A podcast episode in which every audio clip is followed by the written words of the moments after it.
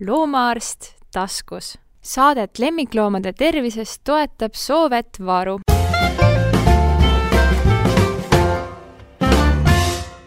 tere, mina olen Tiina Toomet, kuulate sellist saadet nagu Loomaarst taskus ja minu kaaslaseks on sedapuhtu puhku loomaarst Olga Sjatkovskaja Haabersti loomakliinikust. Olga. tere! kõigepealt ma tahan sulle õnne soovida, et sind valiti selle aasta loomaarstiks. see on siis meie loomaarstide ühingud, nad iga aasta valivad ühe loomaarsti, kes on millegiga silma paistnud. no sina oled juba selle nimetuse vääriline oma pikaaegse töö ja ka õppetöö eest, aga nüüd äh, sel aastal lisandus sellele veel selline väga eriline äh, kuidas ma ütlen, saavutus vist, et äh, sinu kliinik on nüüd kassisõbralik kliinik, siis see on see inglise keeles tuntud cat-friendly kliinik. võib-olla me peaksime rääkima üldse raadiokuulajale või selle saate kuulajale, et mida see tähendab, mis see tähendab kassisõbralik kliinik? algusest peale suur aitäh ma olen väga uhke. ma näen, et sa oled uhke ja õnnelik. Kassidega, sa alustasid ju kassidega, ei alustanud, sa alustasid tegelikult äh, ju lihtsalt loomaarstina ja, ja, ja., kui, kui me räägime sellest, et mina olen juba tööl või mitte tööl või oma professi sees äh, juba kakskümmend viis aastat ja see aasta minu jaoks oli, ei, järgmine aasta või see aasta, no ikkagi kakskümmend viis aastat umbes. see on ikka palju. ja ja. ja muidugi me kõik alustasime väikeloomadega, meil ei olnud eraldi kassid või koerad, meil ei olnud. jah, Mr Rutte alu... ka vist ravisime ja no, mingi hamstrit vahetevahel. mingit hamstri ma võtsin vastu ja, aga üldiselt see kassi suhtes oli niimoodi, et me oleme koos kassiklubiga ühes ruumis, ütleme niimoodi, ja muidugi väga palju need kassi omanikku hakkasid nagu käima ja küsida, mis see on, miks see kass haige, mis see haigus ja muidugi mul läks niimoodi sellega kuidagi rohkem selle kassi suhtes niisugune äh, huvi. Ja ma alustasin rohkem just selle kassi mm, haiguste suhtes nagu süvenema. ma katkestan sind korraks, sellepärast ja. et tõesti kakskümmend viis aastat tagasi, no minu praksis on natukene vanem, aga põhimõtteliselt me oleme sinuga selles mõttes suhteliselt eakaaslased. mina mäletan seda olukorda, kui inimesed helistasid noh, minu kliinikusse ja küsisid hästi argliku häälega, et kas te kasse ka ravite? ja siis, kui ma ütlesin jaa, siis nad olid nii õnnelikud seal toru otsas, sest ilmselt nad olid juba mõnes kohas saanud vastused umbes, ah, mis kass, et võtke uus kass, et noh, kassis see suhtumine ikka tol ajal ei olnud üldse selline nagu praegu, eks ja, ole. ja praegu muidugi me oleme väga õnnelikud, eks, et see kassi on väga palju, omanikud võtavad neid kassi, kassi võib olla lihtsam kodus nagu pidada, selles ja. mõttes, et kui me hakkame võrdlema, kui palju meil Eestis elavad nagu kasse kodus või koeri kodus, ma arvan, see kassi ikkagi rohkem. ja selles mõttes, et läks seda kassimeditsiin minu meelest kuidagi ähm, ütleme niimoodi ähm, kuidas ma ütlen, et siis kõik arstid hakkasid rohkem seda nagu kassi tervise suhtes mõtlema ja nagu õppima. ja üldiselt, kui me räägime välismaalt poolt, mis toimub, et nendel juba ammu seda kassimeditsiin on väga arenenud ja nendel on väga palju need kassiorganisatsiooni, mis te tegelevad just selle kassihaiguste haigustega. Ja siis näiteks selle mm, International Society of Feline Medicine, see on nagu Euroopa ühing ja Ameerika ühingud, vot, ja siis mul läkski niimoodi, et ma astusin seda liikmeks ja hakkasin nagu konverentsil käima. Ja see oli nii uhke, kui ma tulin esimene kord, see oli kaks tuhat kaks, see juba no, päris ammu, just, see oli esimene Euroopa konverents kassihaiguste suhtes, see oli Amsterdamis ja ma hilinesin natukene ja kui ma nagu istusin juba seal saalis, minu kõrval istusid kõik need organiseerijad ja mm -hmm. siis mhm. nad küsisid, et no hello, who are you, et what are you from, et minu ütlesin tere, mina olen Eestist. et üldiselt see oli nii uhke nagu Eesti pärast, et siis nad küsisid, oi, nii tore, et te ikkagi nagu tegelete kassidega. no vot, ma arvan, sellest aastast nagu hakkas rohkem see niisugune süvenemine ja selle konverentsidel käimine ja no aga alati, kui rohkem me teame, siis rohkem me saame aru, et me ei tea nii palju. ja kui võtta niimoodi, et ma käin vähemalt kaks korda aastas kuskil välismaalt konverentsil, ma iga aasta saan aru, kui palju ma veel pean õppima. no selles mõttes on väga hea, see nagu stimuleerib meil edasi nagu õppima. aga see kassisõbraliku kliiniku kontseptsioon mina mäletan ikka, ikka mingid, mingid aastad tagasi hakati sellest Euroopa, Euroopas rääkima, et noh, meile oli see siis ikkagi nagu väga kauge maa Mi-, mis ajast see umbes on, see nii-öelda populaarseks saanud? ma arvan, mingid viis aastat kindlasti mm, -hmm, võib-olla isegi mm -hmm. rohkem mm. -hmm. vot ja mm, praegu siis rohkem, rohkem ja rohkem ja siis näiteks kui me võtame meie naabrimaa, siis Soomes on, ma arvan, mitu kliinikut mm. -hmm. vot ja siis Rootsis ja üldiselt ikkagi Euroopas on väga levinud ja selles mõttes on nii hea, milleks üldse vaja selle nagu kassisõbraliku kliiniku nimeks nagu saada või üldse olla kassisõbraliku kliinikuks et see tähendab, et meie suhtumine kasside äh, nagu kas ravimisse siis või? mitte, mitte ainult ravimisse, kuidas me võtame need nagu laua peale, kuidas me võtame need sellest transpordiboksist. aga kuidas me nendega käitume üleüldse, siis see on ja, nagu selline. jaa, et üldiselt see niimoodi varem, kuidas oli, võtad kassi kinni kuskil niimoodi turjast kinni ja see oligi niimoodi normaalne käitumine. praegu me saame aru, see ei ole normaalne, see ei ole kassisõbraliku suhtumine. ja vot selleski nagu see kassisõbraliku kliiniku ja ongi niimoodi, et siis tehtud spetsiaalsed statsionaarid ainult nagu kasside jaoks, kui kass jääb meil on kliinikus, et ei jää kuskil koeraga koos. et koer kõrval augub kogu ja, aeg. ja mm, -hmm. et üldiselt, et selles mõttes me nüüd teame, et kass on väga stressikas loom ja ta tahab elada sama päev terve elu ja kui midagi tema elus on muutunud, kass läheb stressiks yeah.. ja siis nagu stressist tulevad kõik need haigused, no yeah. haigused välja. Ja meil väga palju need omanikud ei taha näiteks tulla kassidega kliinikusse, et need ei saa vähemalt seda puuri sisse kodus. Yeah.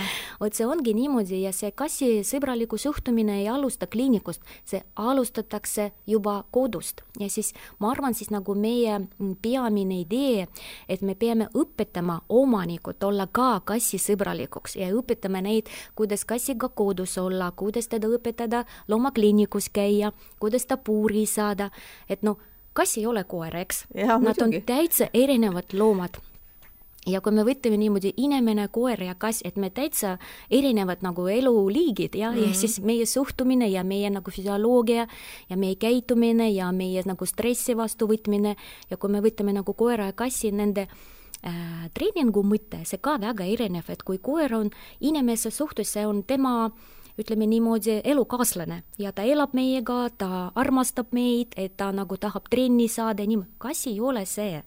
kass tahab elada oma elu mm -hmm. ja mhm. siis ma arvan, siis me oleme kassi jaoks, mitte vastupidi ja no mina kunagi teen võrdluse, kui mul olid koer ja kass, et koer elas meie peres siis nagu kuue kaaslasega ja kes tegelikult olid ikkagi nagu tema peremehed või perenaised, aga kass elas kuue teenriga, kellest noh osad talle meeldisid rohkem, osad vähem, ta oli väga sõbralik kõigi suhtes, aga me ikkagi olime nii-öelda tema teenijad.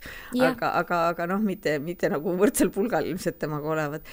et see on vist hästi suur viga mida vanasti see veterinaarmeditsiin tegi, noh eriti siis, kui ravimeid oli ka vähe ja me pidime inimeste ravimeid kasutama, et arvati, et koer on väike inimene ja kass on väike koer ja sealt tuli palju, palju probleeme.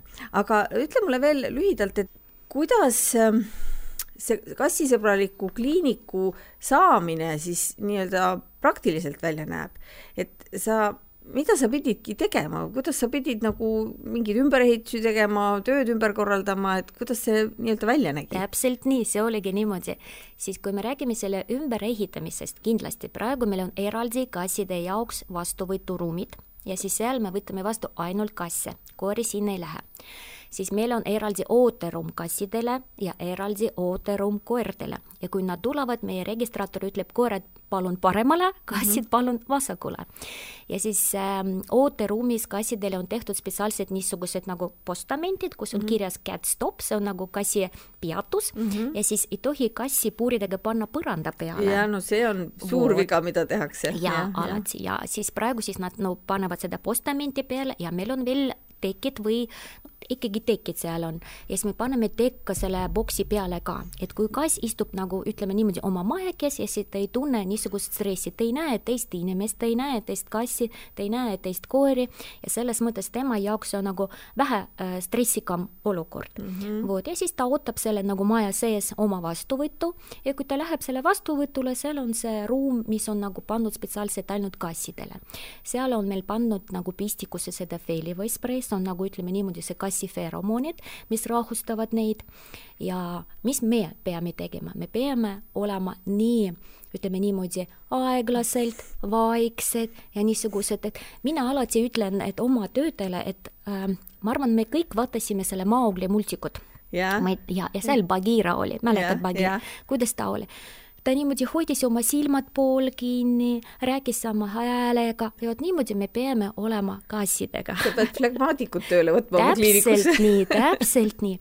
siis kassid ei armasta uued lõhnad, uued mingid nagu äh, no jah, kui me räägime üldse nagu häälestused, kass üldse tahab, et on vaikne ja peaks olema Äh, ta peaks nagu ette teadma, mis äh, on järgmine samm. mis juhtub. just mm, -hmm. just, kui ta ei tea, siis ta läheb stressi ja siis miks meil väga palju kassi ei taha üldse puuri minna kodus, aga kui nad on kliinikus, nad ei taha puurist mm -hmm. välja tulla. ja siis nad, kui nad, sa saad ta sealt puurist välja, siis ta jälle esimesel võimalusel põgeneb, põgeneb sinna, sinna.. just, just. vot, ja siis muidugi siis me peame selle kassiruumi te tegema niimoodi, et seal ei ole mingit ruumi, kus ka kass saab äh,, saab põgeneda mm -hmm. ja siis pärast me peame sealt kuidagi teda välja tõmmata, see ei ole õige. Uksed peavad olema alati kinni, et seal ei pea aknad nagu lahti olema mm, -hmm. siis kass on niisugune loom, kui ta läheb stressi, ta lihtsalt põgeneb ja pärast me ei saa teda kätte.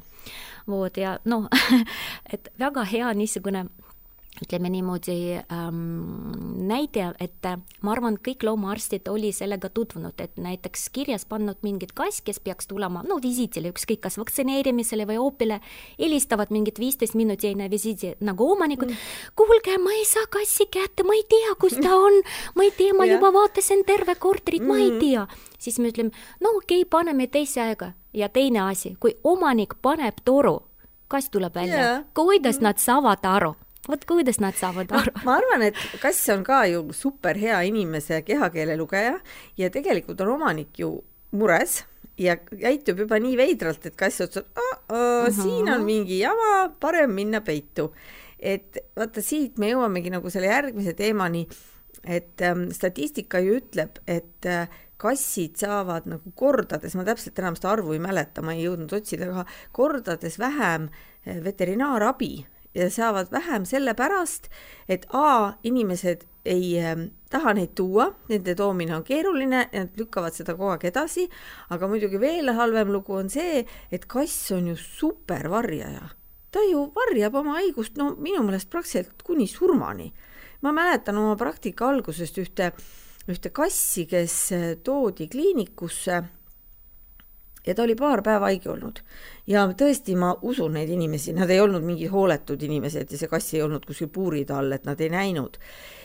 ja see kass, noh, tol ajal ka kliinika alguses me olime ikka hirmsad huvilised, ükskõik kui midagi selgusetuks jäi, siis me palusime luba looma lahata ja see kassi kopsu praktiliselt ei olnud, tal oli mm. nii õudne kopsupõletik, et noh, esimene mõte oli see, et mis asja, et noh, nad valetasid, et see kass pidi olema haige juba ma ei tea kui kaua, aga tegelikult võib ju niimoodi olla, et ta ei näita meile üldse. No ütleme niimoodi, ta ei näita, see on mm. ja üks asi, teine asi, et kass hoiab ennast nii kokku, et ta ei kasuta oma energiat selle mm. jaoks, et nagu minna lõpuni, siis näiteks kui kassil on kopsupõletik või mingit, ütleme niimoodi äh,, vedelik kopsuõõnes või niimoodi, kas ei saa normaalselt hingata, eks, siis ta istub rahulikult kuskil oma nurgas ja ta ei liigu, ta ei hüppa, aga muidugi omanikud ei saa aru et mis viga võiks mm -hmm. olla. ja väga tihti võiks juhtuda, kui nad hakkavad seda kassi kätte võtma või püüdma või puuri panema, siis võib juhtuda päris äh, suur probleem. et kui siis seal nagu vesi kopsudes, siis ta võib lihtsalt ära surra ja isegi transpordipuuris või laua peal. ja ongi niimoodi, see kassi suhtes on nii raske aru saada, et üldiselt, et omanik peab jälgima, kuidas kass näeb välja. et kui me ütleme selle, sellest, et kuidas kassil silmad lahti on, kuidas pupillid on, kuidas temal on, ütleme niimoodi, seda facial expression, jah, et mm -hmm. kuidas me kuidas ta oma nägu väljend-, nagu ilme, missugune ilme. just, just, et ja. Äh, on isegi täitsa nagu suur äh, teadus, mis nagu äh, vaatab siis nende näo nagu suhtes, mis see tähendab, kas on see valu või temal on stress või temal on paha olla. ja üldiselt, kui me oleme väga ettevaatlikult ja siis nagu ette äh,, äh, mitte ettevaatlikult, aga ettepanelikud me oleme nagu äh, oh issand, mulle, ma ei suuda ka nüüd öelda, no et me oskame nagu seda nagu vaadata või Just, nagu no nii-öelda profülaktiliselt juba ja, ette kuidas kass hoiab oma ja. kõrvu, kuidas ja, need vuntsid temal on, mis ja, nagu poole nad on suunatud, kuidas ta käpad hoiab kas enda all või mis nagu seisundis ta laamab. Ja üldiselt me saame aru, et midagi valesti on. et siin on see suur probleem, et inimesed jälle arvavad, et kass on nagu koer, kui temale midagi valutab, siis ta nutab kassid ei nuta. No isegi koer ei nuta valuga. Sellest no oli meil siin juttu. karjuda vähemalt. No, no isegi ko koeral see valuteema on üldse nii keeruline mm, -hmm. aga ütleme niimoodi, et koer väljendab mm -hmm. palju rohkem Kui ja koer kass. tegelikult tuleb ikkagi nagu tihtipeale abi paluma mm. -hmm. aga kass, oh sa jumal, no ma ei tea, võib-olla mõni tuleb, hakkama omaga. jah, või Mhm. peidab ennast vastupidi. ja, ja, ja vot see on niisugune, praegu mul tuleb meelde ka see nurrumine, väga palju omanikud arvavad, kui kass nurrub, ta on terve, see on vale mm. -hmm. tal võib hoopis valu olla. jah, ja väga palju kassi rahustavad ennast mm -hmm. just nurumisega mm -hmm. või kui temal on päris valu, siis nad teevad seda, ütleme niimoodi, need äh, äh, lained ja siis, kui nad nurruvad, et siis see tuleb nendele nagu rahust ja isegi nagu parandavad või ravivad no nii nagu ka. nad meid parandavad, kui nad meie rinna peal nurruvad, eks ole just ju., just, et see ongi niimoodi, et see kassi nurrumine, see ei tähenda, et kassil on hea olla. see võiks olla vastupidi, et kassil on päris valu või te, ta on haige. Oh jah, see on tõesti kassi puhul keeruline, sellepärast et tihtipeale ainukene informatsioon, mis me omaniku käest ju saame, on see, et kass on imelik mm -hmm. või kass kössitab. vot see on väga õige Jah. Vot omanikud, kui te näete, et teie kass on imelik või uh -huh. ta kössitab kuskil nurgas, minge kohe kliinikusse. ainult omanikud näevad, et see kassidega, no tema kassiga midagi ei ole nagu korras, et ikkagi midagi on nagu, ei ole nii tavapärane, siis võtke kassi ja minge ja. kliinikusse. ja võib-olla, kui ta noh, midagi teeb nagu teistmoodi, äkki seda oleks ka mõistlik filmida, seepärast et uh -huh. kliinikus käitub ju hoopis teistmoodi. nagu sa ütlesidki, et võib-olla tal on nagu juba väga raske ennast elus hoida aga ta tõesti nagu hoiab oma energiat ainult selle kössitamise jaoks ja nüüd, kui ta kliinikusse tuuakse ja ta ikkagi veel võtab viimase võitlusasendi, siis ta võibki ju tegelikult seal laua peal ära surra, seepärast Jaa. et tal ei ole enam üldse nii palju jõudu organismis, et, et see viimane võitlus pidada ja siis on muidugi hästi õudne, sellepärast et toodi Jaa. arsti juurde ja tegelikult arsti laua peal ta Jaa. sureb ära. Jaa. aga mis me saame teha, siis eks me noh, siis me, ega meie ka ju ei näe seda kliinikat rohkem, me näeme isegi vähem, sest kliinik, kliinikus ta ju käitub teisiti, siis me ikkagi oleme sunnitud tegema kõik uuringud, mis on siis vereproovid ja röntgenid ja ja ultraid ja kõik need asjad, eks ole ju. jah, ja, ja muidugi me ei saa, me ei ole selgeltnägijad, eks, ja kas ei ütle meile ja ta veel varjab seda, mis Jaa. temaga nagu Jaa. juhtunud on. ja muidugi siis kahjuks või õnneks, et meil on praegu võimalused ja et me saame teha, muidugi see kõik maksab, maksab, aga vähemalt me saame teada, mis kassiga viga on mm. -hmm. aga siin on nüüd jälle see probleem, et kui meil on selline natukenegi noh, võitlusvalmis kass, kellel on paha olla, noh tihtipeale nad võivadki olla, ta on muidu võib-olla leebe kass, aga tal on halb olla ja siis ta ei taha üldse, et me temaga midagi teeme, eks. siis sellise puhul ilmselt mingites oludes tuleb teha anesteesia, sest me ei saa, noh, see, et ta võitleb seal laua peal oma viimase hapnikugi, eks ole, ära kulutab mm, -hmm. on hullem kui see, et me teeme anesteesia, samas kui me nagu ette ei tea, kas tal on midagi tõsist, noh, a la neerupuudulikkus, eks ole, eks see on ka jälle selline kahe otsaga küsimus, aga siin peab lihtsalt kaaluma seda, kumb risk on no, suurem. näiteks kui me üldiselt see omanikud panevad tähele, et kass kuidagi imelikult hingab mm, -hmm. et, et üldiselt nad helistavad, ütlevad, et kass kuidagi imelikult hingab ja me juba kõik ütleme, siis meie nagu tiim juba teab, et kui kass hingab halvasti, see on täitsa niisugune ütleme niimoodi kiirabi mm -hmm, ja kliinikus kõik mm -hmm. on juba ette valmistatud, et see võiks tulla niimoodi, et päris suur probleem, et üldiselt me kohe vaatame selle kassi läbi puurima ja võtta ta välja mm. -hmm. me vaatame teda nagu läbi puuri, kuidas ta hinnab nagu vaatame, kui palju mm -hmm. või ta, kui tihti ta teeb seda hingamistegevust ja näiteks kui me äh, arvame, et see võiks olla vedelik kopsudes, siis parem kindlasti seda kassi vähemalt sedeerima. et kui me hakkame ta välja võtma, kui ta hakkab rabelema, siis ta kasutab viimast hapnikust, mis nagu ta on ära hoidnud. nii et ta... pigem ikkagi väike anesteesia teha, ja, ja, ja kindlasti mm, -hmm. ja, ja siis üldiselt seda vaja omanikutele ka nagu öelda, et siis nad võivad hakata seal kodus kassi püüdma või proovida selle puuri nagu sisse panna ja siis võiks juhtuda ka päris suur probleem, et nad lihtsalt surevad ära sellest. aga mis me saaksime öelda omanikele, et nad ei jõuaks nagu selle lõppstaadiumis kassiga, no üks oli see, et tõesti jälgida, kui on imelik, siis kohe tulla, samas ta võib olla imelik sellepärast, et talle ei meeldi see vaas, eks ole, ostsid uue vaasi ja siis vahib seda vaasi ja on vihane. rohkem ta ikkagi pissib selle vaasi peale või okay. kuskile mujale okay. et, et mis ta, mis võiksid olla need paar näpunäidet, et, et et, et noh, tulge nagu võimalikult kiiresti mm. -hmm no jälle siis võib nagu vaadata, kuidas ta hingab, et noh, kas ta hingab kõhuga või ta mm -hmm. hingab ikkagi rindkerega või kuidas ta nagu laamab. et kui ta ikkagi kössitab, nad üldiselt, kui kass on haige, siis ta istub niimoodi, käpad on kõik nagu kõveraks mm -hmm. enda all ja ta ise niisugune pisikene kassikene mm -hmm. seal ja. ta ei ole niimoodi mõnusalt ja lõdvalt, eks ju. Mm -hmm. vähemalt kui nad arvavad, et kass hingab kuidagi raskesti, võib filmida, see on mm -hmm. väga hea variant ja siis saada kliinikusse ja siis mm -hmm. öelda, no minu kass niimoodi hingab, mis te arvate mm. -hmm. ja kui me näiteks näeme, et ikkagi päris suur probleem, siis juba saab nagu arutada, kuidas mm -hmm. lihtsam kassi jaoks teha. kuidas teda siis, tuua. just, et kassi sure ära tee peale. kas sa kasutad vahel seda ka, et ähm, ma tean, kui käitumisspetsialist Kersti Seksel käis siin, siis tema hästi soovitas, et kui ongi sellised raskelt transporditavad kassid, et anda neile juba kodus nagu ausalt öeldes mul ei tule praegu meelde, mida ja ega me siin raviminimetusi ei hakka ka, jah, aga me ei hakka raviminimetustega siin praegu reklaamima, aga et lihtsalt, et, et on siis nagu lihtsam neid käsitleda ka või? Äh, jah, aga kui kass laseb, aga üldiselt väga palju kassi ei armasta, et midagi nendele antakse no jah, tableti andmine on juba keeruline. ja võiks mm. olla niimoodi, kui me jälle anname nendele midagi suu kaudu, siis ta hakkab jälle rabelema. võib-olla ka ja oksendama ja, ja mis iganes. ma arvan, see nii indi-, individuaalne peaks olema mm. lähenemine, et ma ei saa anda nagu ühe mingit nagu soovitusi, kuidas ja, siin käituda. aga ilmselt see, kui me soovitaksime neil kõigil kasutada ka selle puuri harjutamise juures ja ka siis, kui on vaja kuskile minna, siis näiteks meil siin korra korraks lipsas läbi see sõna Feliway, noh, mina isiklikult olen päris nagu Feliway fänn mm, -hmm. et kui ta tuli turule, sellest on juba nüüd ka aastaid tagasi, siis ma mõtlesin, oh ikka kunagi sa ei tea, sul omal kogemus puudub, siis mõtled, et ah, kas ta aitab.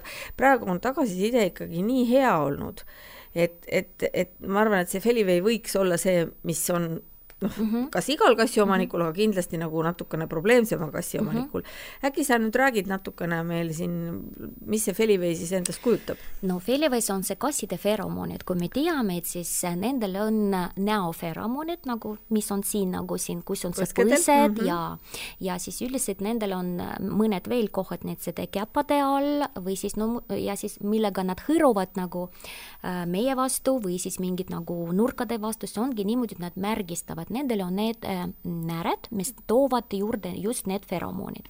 ja see felivõi, see ongi kunstlikult tehtud, seda kasside feromoon. ja kui me kasutame seda, see tähendab, et me kasutame nende nagu, nagu rahustina mm, -hmm. sellepärast kui kass tunneb seda lõhnat, ta tunneb juba midagi seda, mis ta teab. jaa, see on turvaline mm, -hmm. turvaline.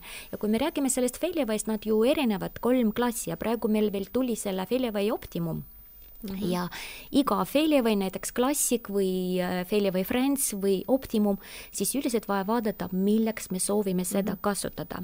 aga no muidugi siis me ei saa öelda, et see, kui mingid meil käitumise probleem äh, kassil või midagi veel seal, milleks me kasutame seda Feliway, ei saa kasutada ainult Feliway'd ja oodata, et sellega nüüd kõik et nagu, just mm, -hmm. et see mingid nagu ja mingid kusemine, see kui kass nagu kuseb kuskile mujale, see kohe lõpetab, ei, siis üldiselt see kassi käitumine käitumine, see on päris suur teadus vot ja kui rohkem ma õpin selle, siis rohkem ma saan aru, et see kass on midagi mm.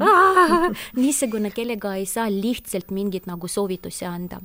ja kui me kas-, me kliinikus kasutame väga palju feilivõid ja siis meil on nagu pistiku sees nagu kassi statsionaaris vastuvõturuumides. see on siis see difuuser, mis siis eritab kogu aeg, no ma ja. tavaliselt ütlen, see ei ole küll päris õige mm, -hmm. aga mhm. ma ütlen inimestele, et see on niisugune tunne, et nagu oleks õnne ja heaolu hormoon, et kass on väikses pilves kogu aeg, no, see ei ole teaduslikult väljendus, aga noh, nii mm -hmm. ta mhm. võiks nagu no, välja jaa, näha. aga üldiselt inimesed ikkagi peavad, ähm, peavad nagu peavad teadma, et see on nelikümmend ruutmeetri ja siis mm, -hmm. kui teil on suur maja ja yeah. nüüd ühe pistiku sees, muidugi see ei toimi nii yeah. ilusti. ja näiteks Feli või spreid me kasutame jälle selle tekkide peal või rätiku peale, millega me kassi nagu hoiame kinni mm. -hmm. ja siis nagu noh, pritsime kõikide asjade peale, mis me nagu kassidega nagu tegeleme kliinikus mm. -hmm. ja siis omanikud saavad seda kodus ka kasutada mm, -hmm. näiteks selle, mm, selle transpordipuuri jaoks, nende nagu lamamiskohtade vees või kuskil niimoodi, et see kass tunneb ennast nagu rahulikult mm. -hmm. aga kui me jälle ütleme niimoodi, et millal hakata selle kassi harjutama, siis üldiselt see, nendele on, ütleme niimoodi, niisugune tundlik periood, see on kaks kuni üheksa nädalat tavaliselt kass ei ole sel ajal koduski veel. vot, ja ongi niimoodi siis väga palju, kui ütleme, ütleme niimoodi kasvatusest nagu kassikasvandusest või kuskil nagu varjupaigadest või niimoodi, meie kassid ei ole harjunud yeah kui me teame sellest ja kui me hakatame neid õpetama, siis meil kassid elavad väga ilusti koertega, kassidega, loomadega, hobustega, inimestega. Vot, ja kui me räägime veel, siis mis me rahusti veel võime kasutada, näiteks on veel need kapslid Zülken. vot, ja see on, ütleme niimoodi, see on niisugune toidulisand, mis sisaldab just nagu kassi rahustavad need ained ja kui me need kasutame koos feeliveega, see on, tuleb niisugune mitte ainult üks ravim, aga no see ei ole ravim. see ei ole ravim, jah, see ei ole ravim. vot, ütleme niimoodi, kui me kasutame need mõned asjad koos, siis nad äh, töötavad paremini mm. -hmm. aga jälle, kui meil on kassil mingit käitumise probleem, kõige tähtsam äh, parandada olukorda, kus meie kass elab ja võib-olla õpetada omanikku ja siis Äh, selgitada omanikule, et see kass ei ole halb. jah, et see on tema loomulik halb, käitumine. see on loomulik käitumine ja mis me saame teha, kui me teeme kassi jaoks elu niisugune, et ei tunne ennast kuidagi seal nagu kinni pannud või kui ta saab kraabida, et kui me ostame temale kohe selle kraabimispuu ja siis näitame, et seda vaja kraabida, siis mm -hmm. kass kraabib seda, mitte diivani. ja siis näiteks, kui nad pissivad kuskile mujale, see jälle võib-olla temale liivakast ei meeldi, võib-olla temale vaja suurem, võib-olla vaja lahtine, võib-olla vaja kinnist või see on kassi käitumine ja ta ei pea, ei pissi mujale, et ta on halb temal lihtsalt midagi ei meeldi.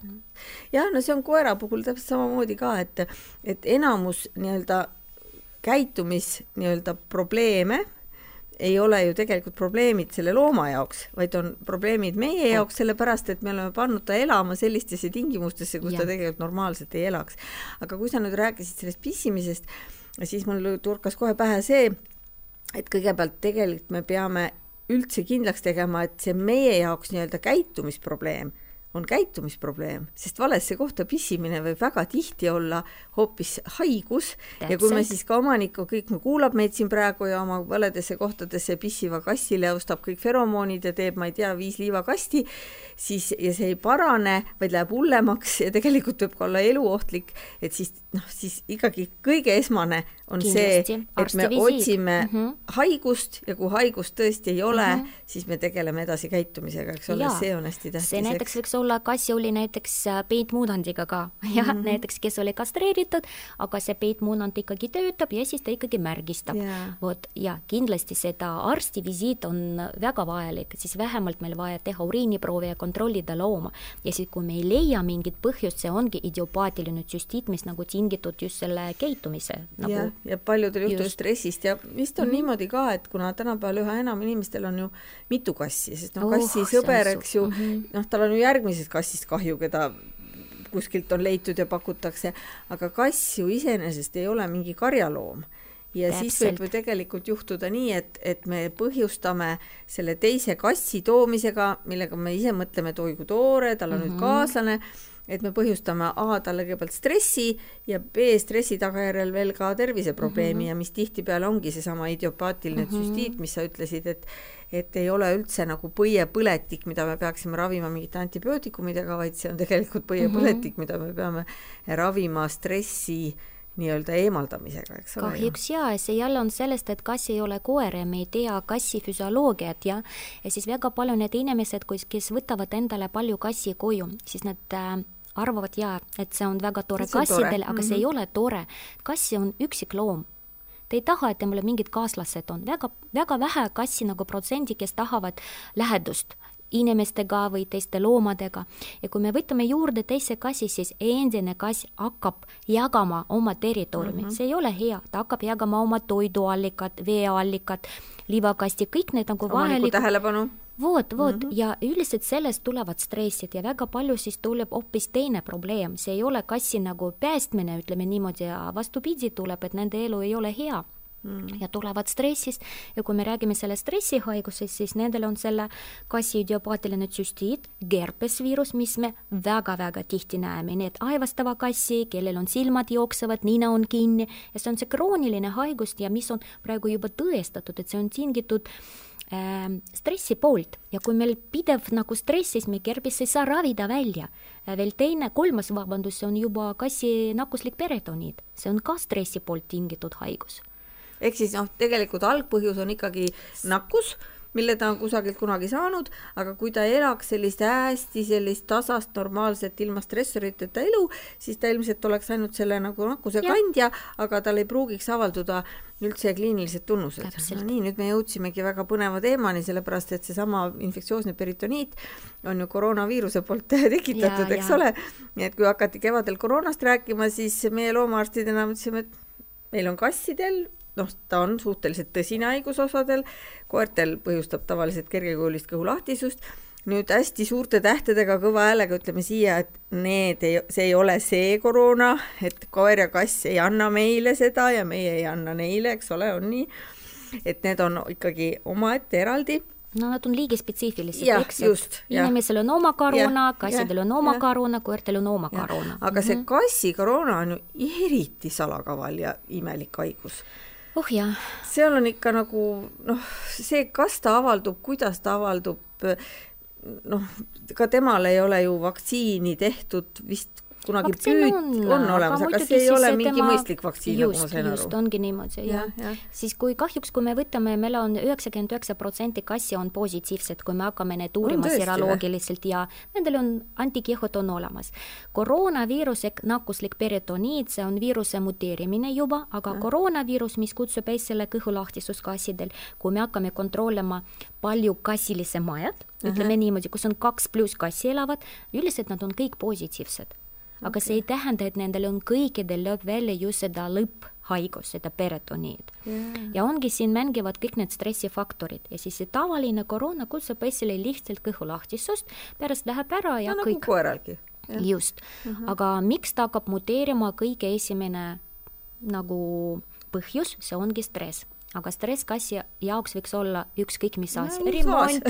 ja remont on kõrval, mingid äh, alarm karjub kuskil või uus nagu külmkapp toodud koju või üks kaaslane mm -hmm. uus või nagu beebi sündinud, see on kõik stressid, vot mm -hmm. ja see lööb välja ja nojah, ja siis on muidugi väga raske ka hakata neid vaktsineerima, sest kui nad kõik on juba kandjad, siis mida sa vaktsineerid, eks ole ju, et selles mõttes on ta tõesti väga, väga selline eh, kuidas öelda, mitmepalgeline asi, aga samas nad ju on ikkagi, nad, nad ütleme, kui ma, kui mul on positiivsed kassid minu majapidamises ja ma võtan uue kassi, siis ta saab isegi, see, või, või kas see on teada või ei ole teada, kui nad kliiniliselt haiged ei ole, kas nad võiksid nakatada seda kassipoega? muidugi, sellepärast seda koroonaviirust nad väljunevad roega, see tähendab, et kui nad käivad ühes liivaskastist ja nagu lakkuvad üksteist, muidugi seda koroonaviirust nad võivad edasi kanda, aga see lööb välja fipiks sellest ja, nagu päris haiguseks ainult mõnedel. jah jah mm -hmm.. lihtsalt selle koroona inimestel, mis ma praegu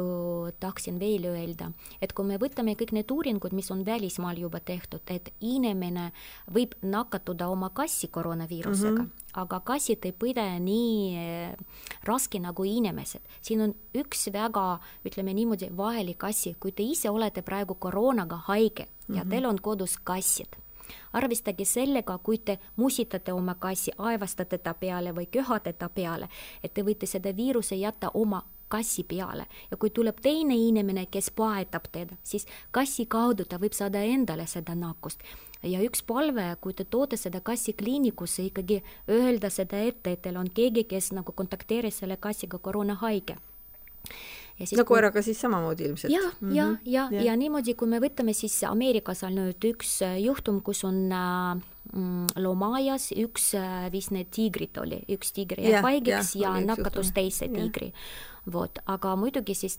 tagapoolt, et kass nakatab inimese, seda ei ole. selles mõttes ärge kartke, kassid meid ei nakatu. jah, see oleks küll nüüd hirmus, kui me hakkaksid inimesed niiviisi arvama ja siis, siis need kassid kuidagi selle all kannataksid, et neil on endilgi probleeme küll ja, ja küll. et ähm, kui selle jutu nüüd kokku võtta, mul muidugi tekkis juba sada ideed, mida ma tahaksin sinuga võib-olla tulevikus rääkida, aga meie aeg hakkab otsa saama.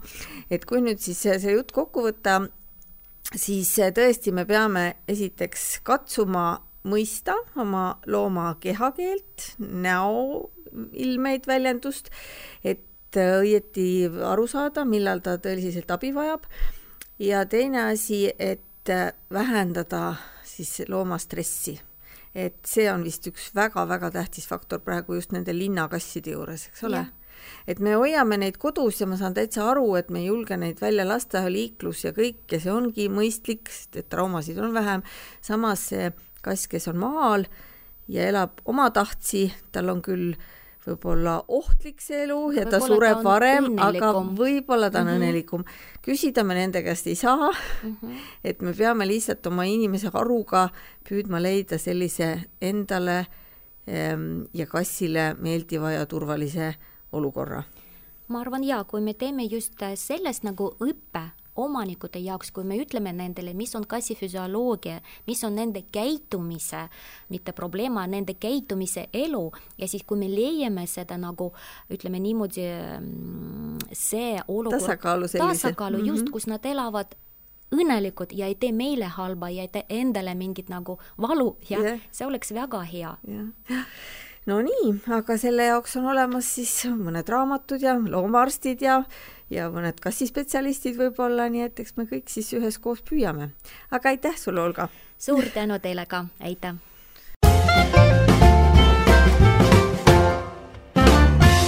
loomaarst taskus